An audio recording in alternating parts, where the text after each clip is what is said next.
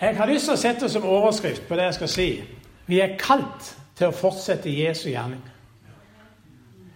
Og Vi begynner å lese i Johannes 14, fra vers 12. Sannelig, sannelig, jeg sier dere, den som tror på meg, han skal også gjøre de gjerninger som jeg gjør, ja, enda større gjerninger, for jeg går til min far. Og det dere ber om i mitt navn, det vil jeg gjøre, så Faderen skal bli æret gjennom Sønnen. Dersom dere, ber, dersom ber meg om noe i mitt navn, så vil jeg gjøre det. Dette er Jesus som taler i Johannes eh, evangelium 14, hvor det er siste kvelden hvor han er sammen med disiplene. Og eh, Han eh, begynner jo som i det 14. kapittel så står det om at han sier han skal gå bort og berede et sted. Han skal komme hjem for å ta dere, for dere alltid skal være der hvor jeg er, osv. Og, så og det, det virker som at disiplene er ganske forvirra. De, de, skjønner ikke hvor skal du hen, og hvor går du, og du, hva betyr dette her? Og vi vet jo åssen Philip, Thomas han sier først eh, hvor, Vi vet ikke hvor er veien. Hvor, hvor, du, hvor, går du hen? Så sier Jesus 'Jeg er veien, sannheten og livet'. Men det virker som de er like forvirra fremdeles. Og så, eh, så, så, sier eh, 'Ingen kommer til Faderen uten ved meg', sier Faderen. Så sier voksne Philip sier han, 'Ja, jo, men, men vi, vis oss Faderen. Det er nok for oss'. Jeg synes jeg ser Jesus han, han ser på Philip og sier her har Så lang tid har jeg vært sammen med dere, og så kjenner du meg ikke, Philip. Se på meg! Den som har sett meg, har sett Faderen. Men, sier han, nå går jeg til min far. Men nå vil jeg være i dere. Dersom du tror på meg. Halleluja så skal du gjøre de gjerninger som jeg gjør. Det er større enn dette. For nå går jeg til min far. Og så, og så begynner han å forklare jo som om Den hellige ånd og dette her. Og eh, jeg syns det er interessant å lese for han. Først så sier han det at i det, det 18. verset der jeg lar, jeg lar dere ikke være igjen som foreldreløse. Jeg kommer til dere. Og så sier han om Den hellige ånd så sier jeg jeg skal sende talsmannen Den hellige ånd. Han skal være hos dere og være i dere. Og så kommer vi til vers 23. Så sier Jesus Den som elsker meg, vil holde mitt ord. Og min far skal elske ham, og vi skal komme og bo hos ham. Altså her skal Jesus komme, Den hellige ånd komme, og far skal komme. Hele treenigheten skulle være i oss som hans disipler. ikke det herlig? Altså, han, ønsker, han skulle ikke bare komme på besøk.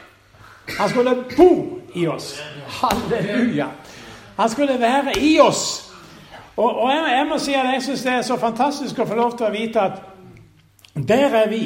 Og når han liksom har snakka med disiplene utover der, og, denne siste kvelden, så ender de opp med denne vi kaller yppersteprestelige bønn i, det 17. kapittelet. Og eh, når han ber der, så har jeg lyst til å lese fra vers 20 i det 17. kapittelet i Johannes evangelium. Så står det Jeg ber ikke bare for dem, altså for disiplene, men også for dem som gjennom deres ord kommer til tro på meg. Må de alle være ett, slik som du, far, er i meg, og jeg i deg. Slik skal også de være i oss, for at verden skal tro at du har sendt meg. Den herligheten som du har gitt meg, den har jeg gitt dem. For at de skal være ett, slik som vi er ett. Jeg i dem og du i meg, så de helt og fullt kan være ett. Da skal verden skjønne at du har sendt meg, og at du elsker dem som, slik som du har elsket meg. Denne, de, de, disse ordene der de har blitt tatt som et, som et veldig forsvar for enhet mellom Guds folk. Men det er jo egentlig ikke det Jesus snakker om. Han snakker om enhet mellom han, Gud og oss. Den vertikale enheten. Det er det som er poenget med det. Han sier at de skal være fullkomment ett. Du, far, i meg, og jeg i de. Så de kan bli fullkomment ett med oss. Da vil verden komme til tro. Jeg, jeg husker jeg vokste opp i begynnelsen av den karismatiske bevegelsen. Da var det jo som enhet for alle penger. Når bare Guds folk blir ett, så kom verden til tro. Men det, ble ikke noe vekkelse. Det var ikke det som kom ut av det. Fordi det er ikke det Jesus snakker om her. Han snakker om enhet mellom han, Jesus og Gud, og så oss gjennom Den hellige ånd. Det er den enheten som er så viktig. Er det noe jeg lengter etter, det er å se at vi setter mer pris på det guddommelige nærværet i våre samlinger, i det vi holder på med. Det er gudsnærværet. Det er det som skaper dette er som overbeviser om synd, om rettferdighet, om dom. Eller som eh, Paulus han sier i 1. Korinterbrev 14, så sier han eh, noen tar det profetiske, og det kommer nådegavene, og folk kommer inn der. Så faller de på sitt ansikt og sier 'Sannelig Gud er på dette stedet'. Det trenger vi. Vi er avhengig av det, for det har med Guds nærvær å gjøre. Og Jeg, jeg syns det er sterkt han sier 'Den herlighet som du ga meg, Gud, den har jeg gitt til de'. Tenk at du skal få være bærere av Jesu herlighet. Guds herlighet igjen. Halleluja. Si det. Jeg er bærer av Guds herlighet. Kom igjen. Jeg er bærer av Guds herlighet. Enda en gang. Jeg er bærer av Guds herlighet. Enda en gang. Jeg er bærer av Guds herlighet. Halleluja. Vi skal få være der hvor Hans herlighet skal få åpenbare seg gjennom oss. Det er det nye livet i oss. For når vi er født på ny, så er det Jesus som er født i vårt hjerte. Og han lever i oss. Og da, da, da er, Vi er døde fra våre egne interesser og ja, egne interesser og oss sjøl og alt dette her. Da er det det som Jesus ønsker, som skal prege våre liv. Og Derfor er det Paulus han sier jeg er korsfestet med Kristus. Jeg lever ikke lenger selv, men Jesus lever i meg. Og Det er det som er det viktige for oss, at det er Han som kan leve og pulsere i våre liv, så våre liv kan være preget av Han som bor i oss. For da er, det, da er Jesu vilje vår vilje. Det som Jesus hater, hater du. Altså, Du får lov til å være der hvor du har hans sinnelag i deg. Og jeg, Vi skal få lov til å etterfølge han i alt det vi gjør. Og du vet, Hva er å etterfølge Jesus? Det er jo å følge Bibelen. Jeg mener, Bibelen er ordet. Og du vet, Jeg blir nesten skremt noen, noen ganger sier det at ja, ja, men vi trenger ikke Bibelen. vet jeg har Jesus er født på ny i mitt hjerte. og Han viser meg veien. Jeg bare snakker med han. Jeg husker jeg leste i, i dag, en kronikk i Dagen for to-tre år siden. Der var det en, en uh, formann i menighetsrådet som, som, skrev at han skjønte seg ikke på de som alltid skulle ha folk på gudstjenestene, og det skulle være så viktig å, å lese i Bibelen. og alt det her. Han var født på ny, og han hadde fått Jesus i sitt hjerte. Han prata med Jesus hver dag. Og Jesus, Han hadde spurt han Jesus om dette med homofile ekteskap, og Jesus sa ja, det må dere ta i kirka. Du lurer på hvilken Jesus snakker de med? Altså, Jesus i hjertet taler ikke noe annet, hvis det er den virkelige Jesus, enn det som Bibelen sier. For Bibelen er Jesu ord, og det er Han. Ordet han var. Han er Ordet. Og jeg mener, Ordet ble kjød i Jesus. Han er ikke uenig med seg sjøl. Det er Jesus sjøl. Og jeg jeg tror det er så viktig. Altså Han sier Jesus, himmel og jord skal forgå, men mine ord skal aldri forgå. Det er evige ord som vi kan få lov til å ta vare på i vårt hjerte. Og du vet, det som er sånn at skal, den, skal vårt liv bli harmonisk, så må det være lydighet mot ordet. Det skaper harmoni i vårt liv. Og jeg med en gang det kommer ulydighet inn, så kommer det disharmoni. Utrygghet. Dersom ikke ditt liv er i harmoni med Guds ord, så blir det frustrasjon. Da blir det ikke harmoni der. Og jeg må si at jeg er så glad i den sangen 'Lyd og tro'. Det i hvile og ro. Den må vi synge etterpå her. Altså Du vet du kan til og med høre predikanter si Jesus elsker oss betingelsesløst. Hvor står det? det står ingen sted i Guds ord. Han har betingelser hele tida. Hvis dere gjør, hvis dere, hvis dere gjør det. Hele tida så er det betingelser. Og du vet, Der står f.eks. når han tar det siste kvelden der med disiplene i, i, i eh, Johannes 16, 14, står det Dere er mine venner hvis dere gjør alt jeg befaler dere. Det er betingelser. Hvis dere gjør alt det, her befalt, det som jeg befaler dere. Og du vet, når, når Jesus sendte oss ut i misjonsbefalinga i Matteus 28, så sier han det at de skulle gjøre alle folkeslag til disipler. De skulle døpe dem og lære dem å holde alt det jeg har befalt. Altså, det er en del, Dette er også å være lydig mot Hans ord. Det er en del av disiplenes oppdrag. For vi er, vi er, vi er under utvikling. vi er ikke fullkomne, men altså Jesus sier at når disiplene blir utlært, så blir han som sin mester. Altså Vi ønsker hele tida, selv om Jesus bor i oss, så har vi fremdeles et kjøtt, så det er ting som vi må justere, så vi må oppleve problemer her og der. Men vet du hva? Dersom vi er lydige mot ordet, så langt vi ser det, så har vi fred med Gud i en god samvittighet. Og da kan vi utvikle oss sånn som Herren vil. Men jeg er jo glad for det at han vil, han vil være med og hjelpe oss og ta tak i oss når det går galt osv. Eh, jeg syns det er så fin den beretninga i Lukas 13. Der er det Jesus sier en mann hadde et fikentre som var plantet i vingården hans. Han kom for å se etter frukt på det, men fant ingen. Da sa han til gartneren nå er det tredje året jeg kommer og leter etter frukt på, det, frukt på dette fikentreet uten å finne noe. Hugg det ned. Hvorfor skal det stå der og suge ut jorden? Men gartneren svarte, Herre, la det stå dette året også, så skal vi grave omkring det og gjødsle det. Kanskje det da vil bære neste gang. Hvis ikke, så får du hogge det ned. Jeg opplever altså at Den hellige ånd er som gartneren som, som prøver å samtale med Herren. Ja, kan vi ikke prøve et år til? Vet du hva, For vi er under utvikling? Jeg er glad Gud er nådig med oss, men vet du hva? Hvis vi fortsetter å være ulydige, så kommer vi til et punkt hvor det ikke fins kontakt med Gud lenger. Derfor er det så viktig at vi har denne her. Det var, jeg må si, det, det Når vi er født på ny, så har du fått denne her lille stemmen inni deg som viser deg vei. Og den går alltid i pakt med Guds ord.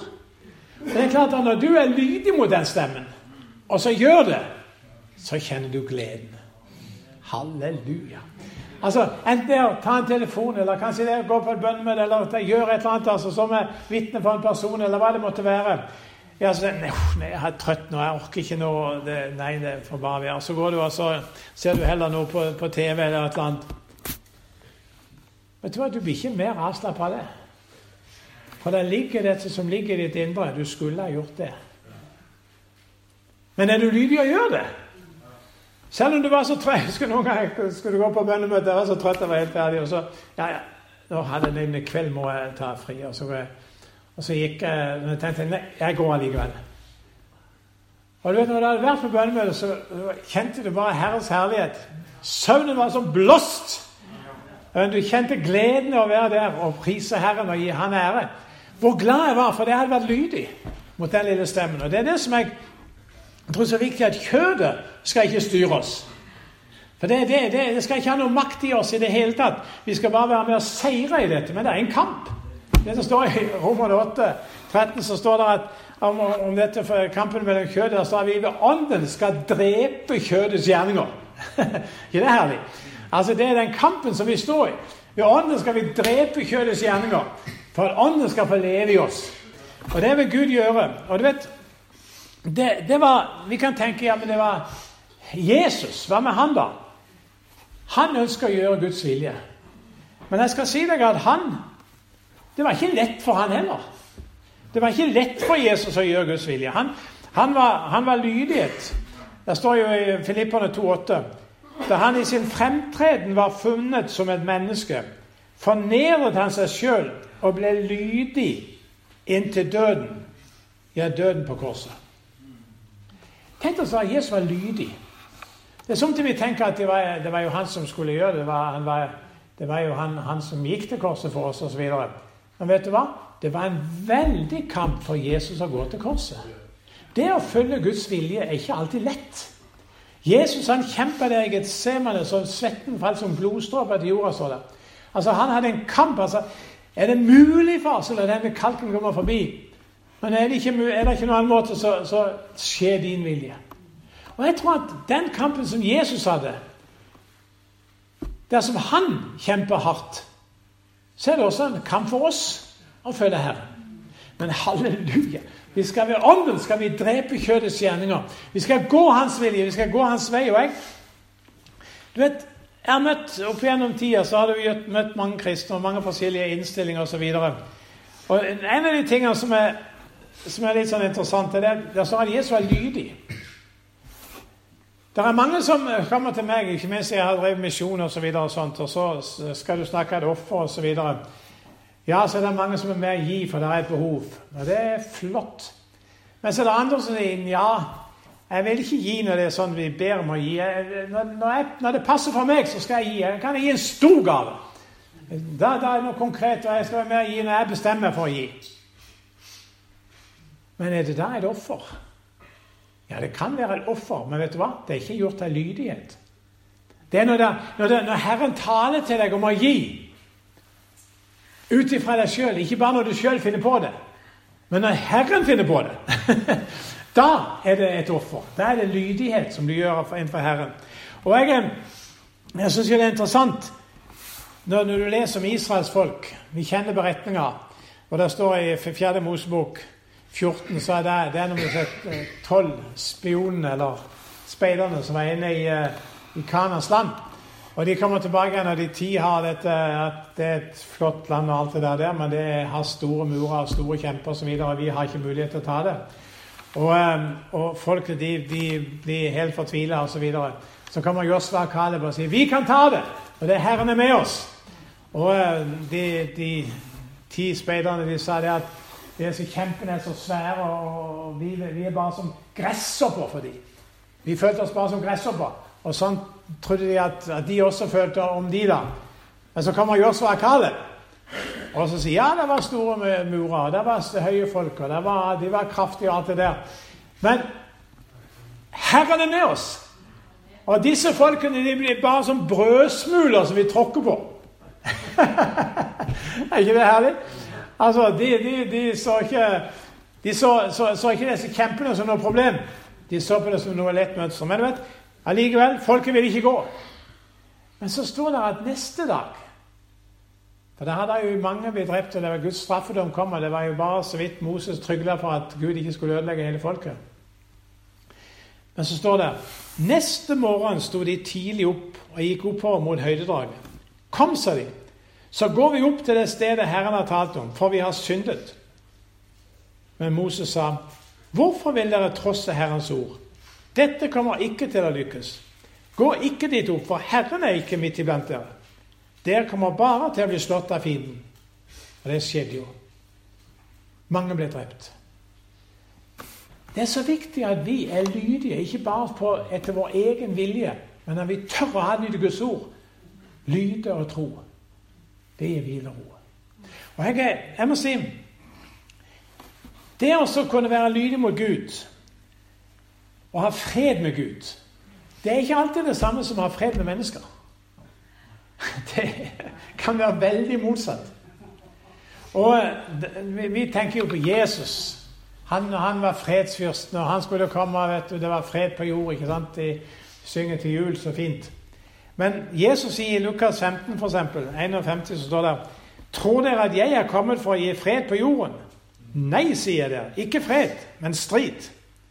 Om det er fem i et hjem, skal de fra nå av ligge i strid med hverandre.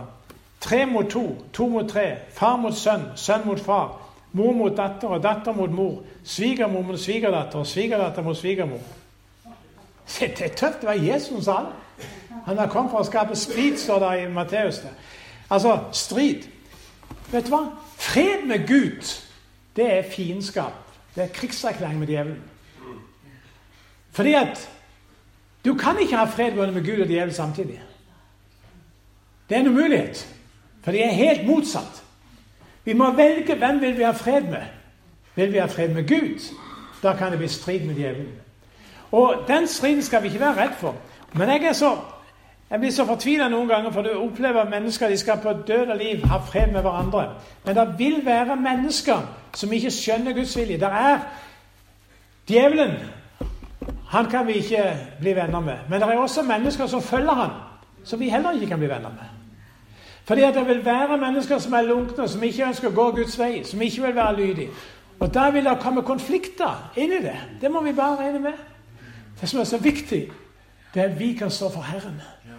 At vi tør våge å gå Guds vei, uansett hva det måtte uh, røyne på i forhold til de andre. Og jeg må si Det er Jeg opplever så tragisk at det er så mange mange mennesker som har blitt lunkne, og som ikke lenger har Guds brann etter å følge Herren. Og så tror de fremdeles at alt er ok. Du vet, Nå til dags er det ingen snakk om frafall. Har dere lagt merke til det? Det er nesten ikke snakk om lenger. For det, er jo bare kristne som ikke gjør som jeg lever sterkt med Herren, men de er litt lunkne osv. Men de er frafalne.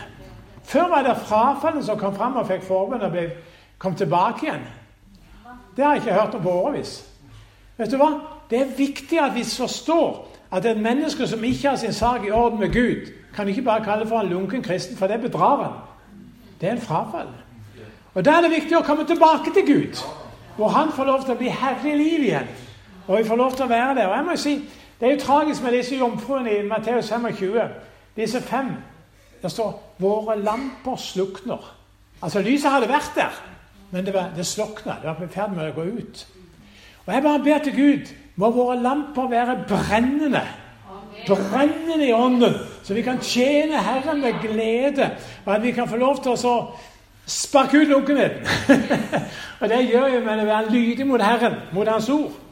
Du vet Det står med de Laudikea Du vet ikke at du er elendig og ynkelig og fattig og blind og naken.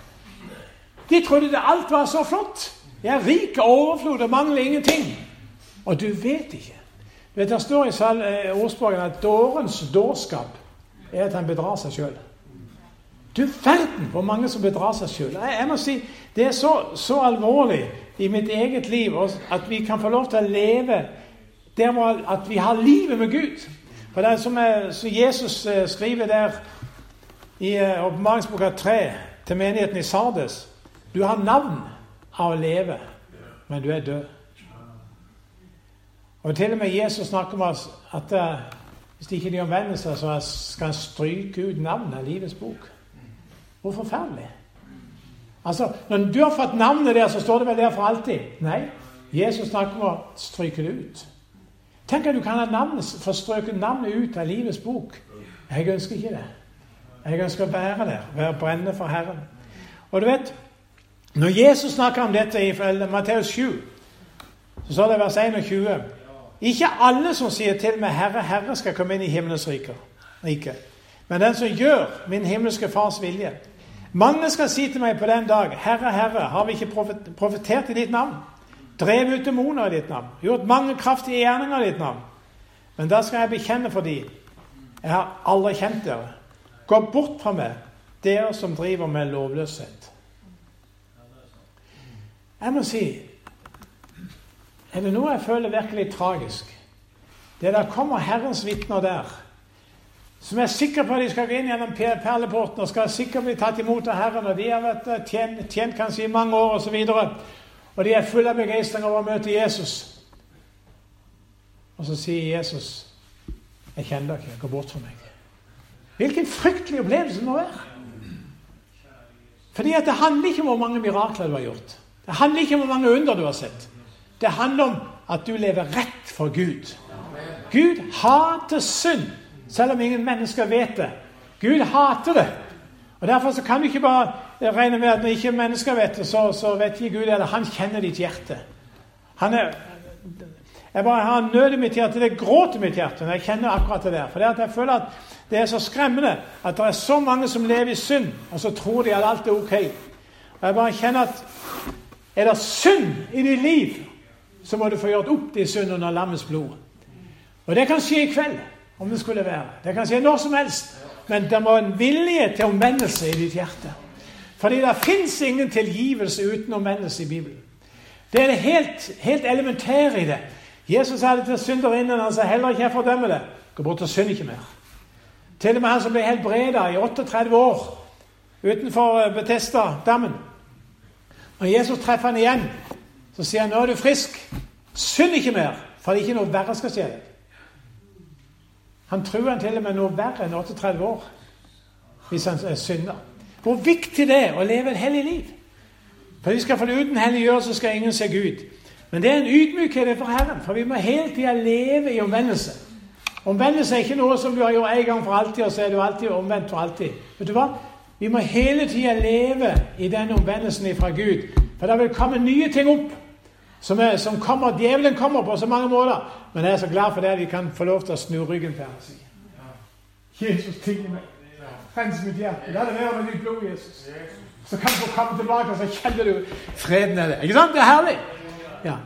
Du vet, det, Jeg pleier så ofte å si det sånn at om du går på formiddagen og du får til sagt et feil ord til en eh, person, og du kjenner i samvittigheten at 'Det skulle jeg ikke ha sagt'. Uff, det var, å, Beklager, Gud. Hvis ikke du tar et oppgjør med Gud med en gang, så går du hele dagen og er nedtrykt. Vet du hva? Du behøver ikke gå lenge med det. Finn et sted du kan være som sjøl og si 'Jesus, til, å, jeg angrer det, Herre'. Forlat meg. Og så kjenner du freden komme. Så kommer styrken tilbake.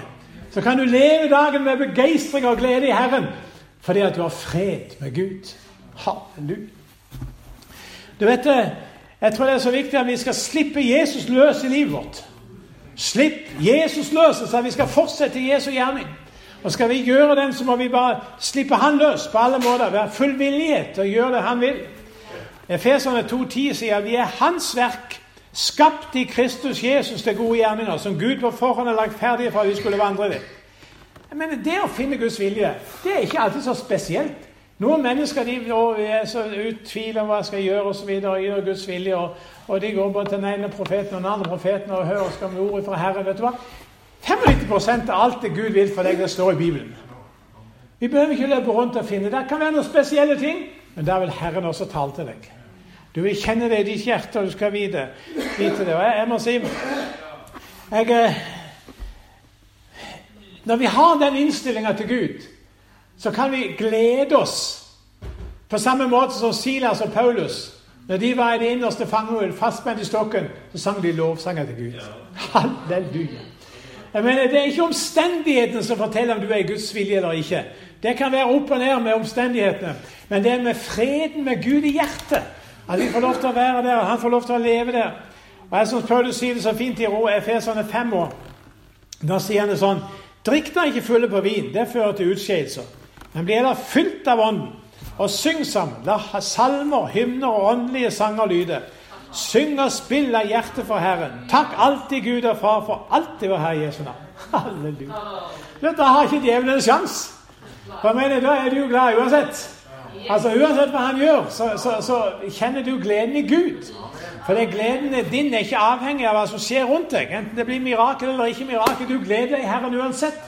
Du får lov til å leve i Han. Og jeg må si, det, også, det, å, det å gå Guds vei det er noen mennesker som, som er så opptatt av å kjenne seg lykkelig. Hvis, hvis, ikke, hvis ikke gjør som gleden i hjertet er da 'Å nei, nå jeg tror jeg jeg er frafallen. Jeg kjenner ingen glede. Det er som ikke noe nå, nå, jeg må, nå, nå, kjenner jeg ingenting til Gud. Å, det er helt desperat å få tilbake freden og gjøre som får tilbake gleden i Gud. Vet du hva? Jesus har ikke løftet oss bare glede og at fryden skal være på topp i vårt indre. på en måte. For det, at det å følge Gud er tøft. Tenk på Jesu Getsemane. Han som var 100% lydig. Men det står at pga. den glede som ventet han, så led han. Store smerten, det han gikk igjennom. Og jeg, jeg tror at det er så viktig for oss at vi tør å ransake oss sjøl og være på plass for Gud. At vi i ydmykhet hele tida vandrer med Han. Jeg syns det står så fint i 2. Korinterbrev 13,5 så står det 'Ransak dere sjøl om dere er i troen'. Prøv dere sjøl. Eller merker dere ikke at Jesus Kristus er i dere? Består dere kanskje ikke prøven? Vet du hva? Det er ikke farlig å komme til Herren og be Han om å vise om vi virkelig er frelst. Jeg tror Er vi åpner oppriktige i vårt hjerte, så kommer Han og viser oss det. Halleluja. Og så kan du kjenne at det er Han som er Herre. For det som er viktig for oss, det er ikke at du føler at du er frelst, men det er at du er frelst. Halleluja. Jeg mener, Enten du føler det eller ikke, er egentlig ikke så viktig. Men det som er viktig, er at vi er det. Og det, det, som er, det er jeg så glad for. Fordi at, hvordan kan du vite det, da? Ja, at Jesus er din Herre.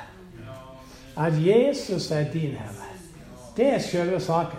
At du har gitt herredømme over ditt liv til han. Og da er du hans disippel. Og du vet Jesus sa det sånn i Lukas 14 sånn at den som ikke bærer sitt kors og følger etter meg, kan ikke bli min disippel.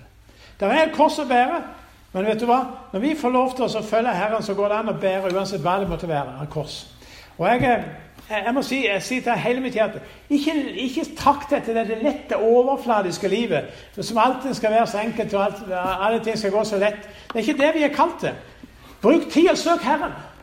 Og kjenn at Hans vilje skal skje i deg. Og om det skulle ha kommet inn synd og ugudelighet, skulle det kommet inn noe feil Du har kommet på kall eh, Jeg har kanskje gjort et eller annet som ikke du kjenner det godt, osv. Jeg må si, jeg har møtt kristne som lever i synd. Og de prøver å sitere Roman 8. Det er ingen fordømmelse for den som er i Kristus Jesus. Hold på å be og deg. Vet du hva? Du kan bekjenne til du er blå. Du blir ikke Du får ikke frelsesvise tilbake før du omvender deg. Det er bare å si det. Jeg har sett så mange ganger. Fordi at det er ikke følelsene som forteller om du er frelst eller ikke, men det er en vilje til å legge ned ditt eget liv. Din vilje til å søke Herren. Og vet du hva, Jeg syns er så interessant når du leser Salme 23. Det er en salme som jeg siterer for meg sjøl nesten hver eneste dag. Herren er min hyrde. Mangler ingenting. Han har meg like grønne enger. Fører meg til hvilens vann. Og jeg får ny kraft. Det høres jo flott ut så langt. Du leder meg på dine veier. Om det så går i dødsskyggens dal, så frykter jeg ikke for vondt. For du er med. Din kjepp og din stav, de trøster meg. Du dekker bord for meg, like for mine fienders øyne. Du salver mitt hode med olje. Mitt beger flyter over. Halleluja. Midt i dødsskyggens dal så kan vi frise Herren. Jeg husker en som forklarte dette her med kjepp og stav. Er mange, jeg har hatt mange forskjellige utleggelser av hva kjepp og stav er for noe. Men altså, hyrdene på Bibels tid, vi har jo sett bilder av de også, de har en sånn lang stav med sånn krok i enden. Og så har de en sånn liten krotte med sånn kjepp. Så den kjeppen den er sånn at Hvis eh, en sau som kommer litt, eh, litt treg ut, så gir de en kjapp et lite sånn slag i rumpa for å komme videre. og hvis det, men hvis det er en som kommer litt ut på kanten, så kan du bruke stanga, så fisker du ut igjen igjen.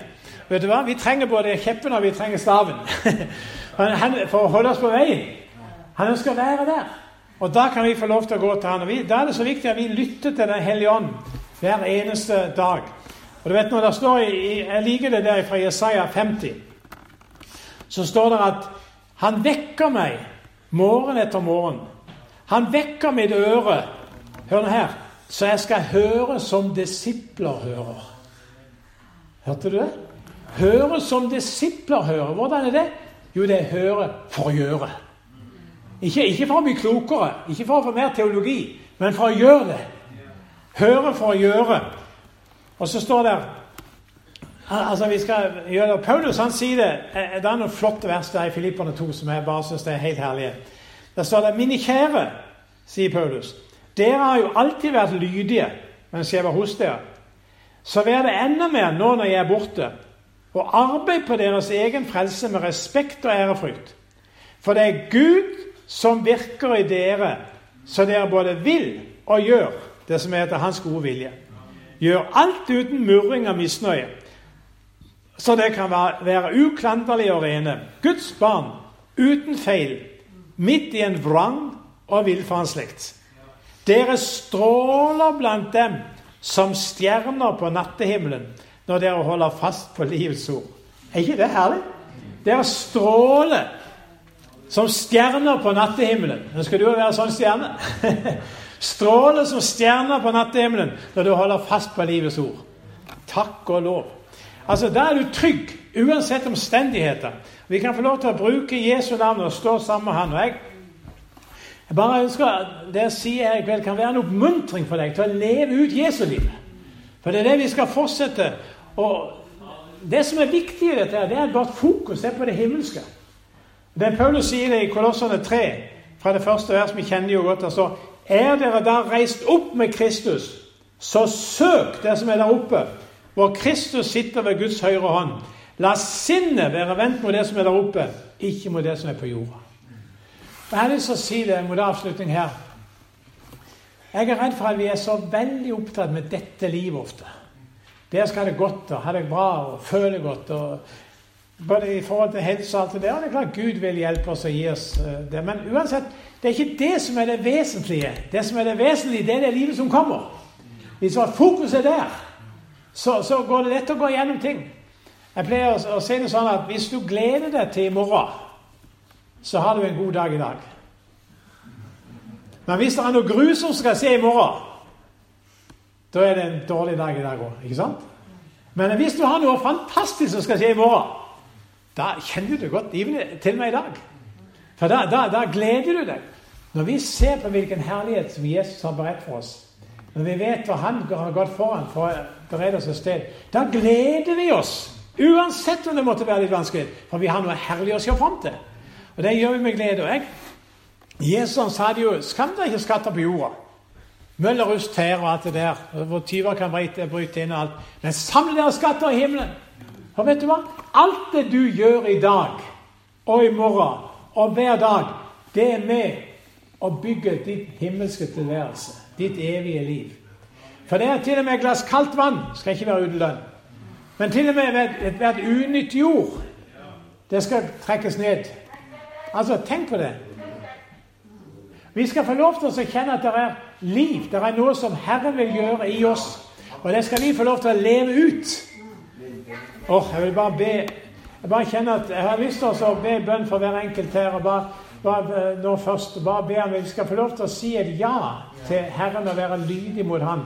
Kjenner vi kan få lov til å legge alt det du har av ting og, og planer og ting i ditt indre. Søk Herren på det. Legg, herre, legg det helt over på Jesus. Og så sier du 'Din vilje skje'. Halleluja. Uansett, altså. Din vilje skje, Gud. Og Det er noe som preger deg. Skal vi si det sammen det første før jeg ber nå? Din vilje skje, Gud. Enda en gang. Din vilje skje, Gud. Og så sier vi Din vilje skje med mitt liv. Din vilje skje med mitt liv. Enda en gang.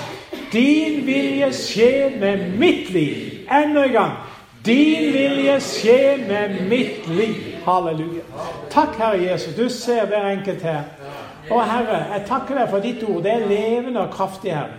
Det skaper. Og jeg vet, Herre, at ditt ord kan være med oss og dømme hjertets tanker og råd. og Dømme det innerste i og, og kjenne at vi kan oppleve det som en fordømmelse i vårt hjerte. Men jeg takker deg. Du har gitt oss mulighet til å omvende oss, Herre. Halleluja. Du har gitt oss mulighet til å komme inn i linje med din plan og tanke med våre liv, Herre. Og jeg ber deg fra menigheten her, Gud.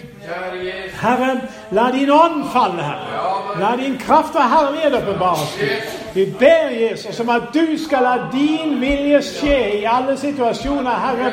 At vi kan få lov til å se mennesker som bare lar ditt liv fungere i hverdagen. Halleluja. Fra kraft til kraft, fra herlighet til herlighet. Som din ånd, så skal vi hver enkelt her få vokse opp til mer Kristuslikhet i alt det de gjør, Herre. Halleluja.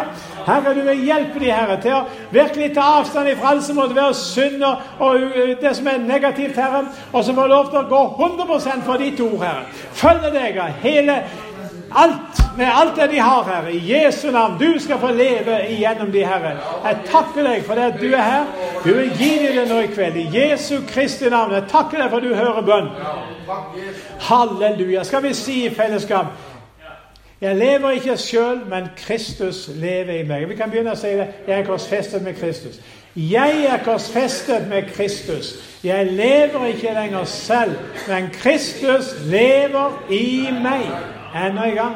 Jeg er korsfestet med Kristus. Jeg lever ikke lenger selv, men Kristus lever i meg. Halleluja. Takk, Herre Jesus, at du vil leve i hver enkelt, Herre. Når de møter mennesker i løpet av dagen, Herre, det er dagene som kommer nå, Herre, la de få være dine sendebud, Herre.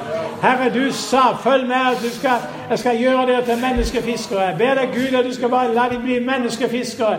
At de kjenner en ny iver etter å være med og bringe mennesker inn i fellesskap med deg, Herre. Takk at du hører bønn. Takk at vi kan regne med din hjelp for hver enkelt her, Herre. I Jesu navn. Gi de kraft til å ta avstand ifra alt som måtte være synd og lunkenhet og likegyldighet, Herre. Gi de kraft til å bare søke inn til kilden hos deg. Halleluja. Fyll de med din ånd. Fyll de med din kraft, Herre. Og la de få leve livet fullt ut, sånn som du vil det i deres liv. I Jesu Kristi navn. Takk at du hører bønnen. Amen.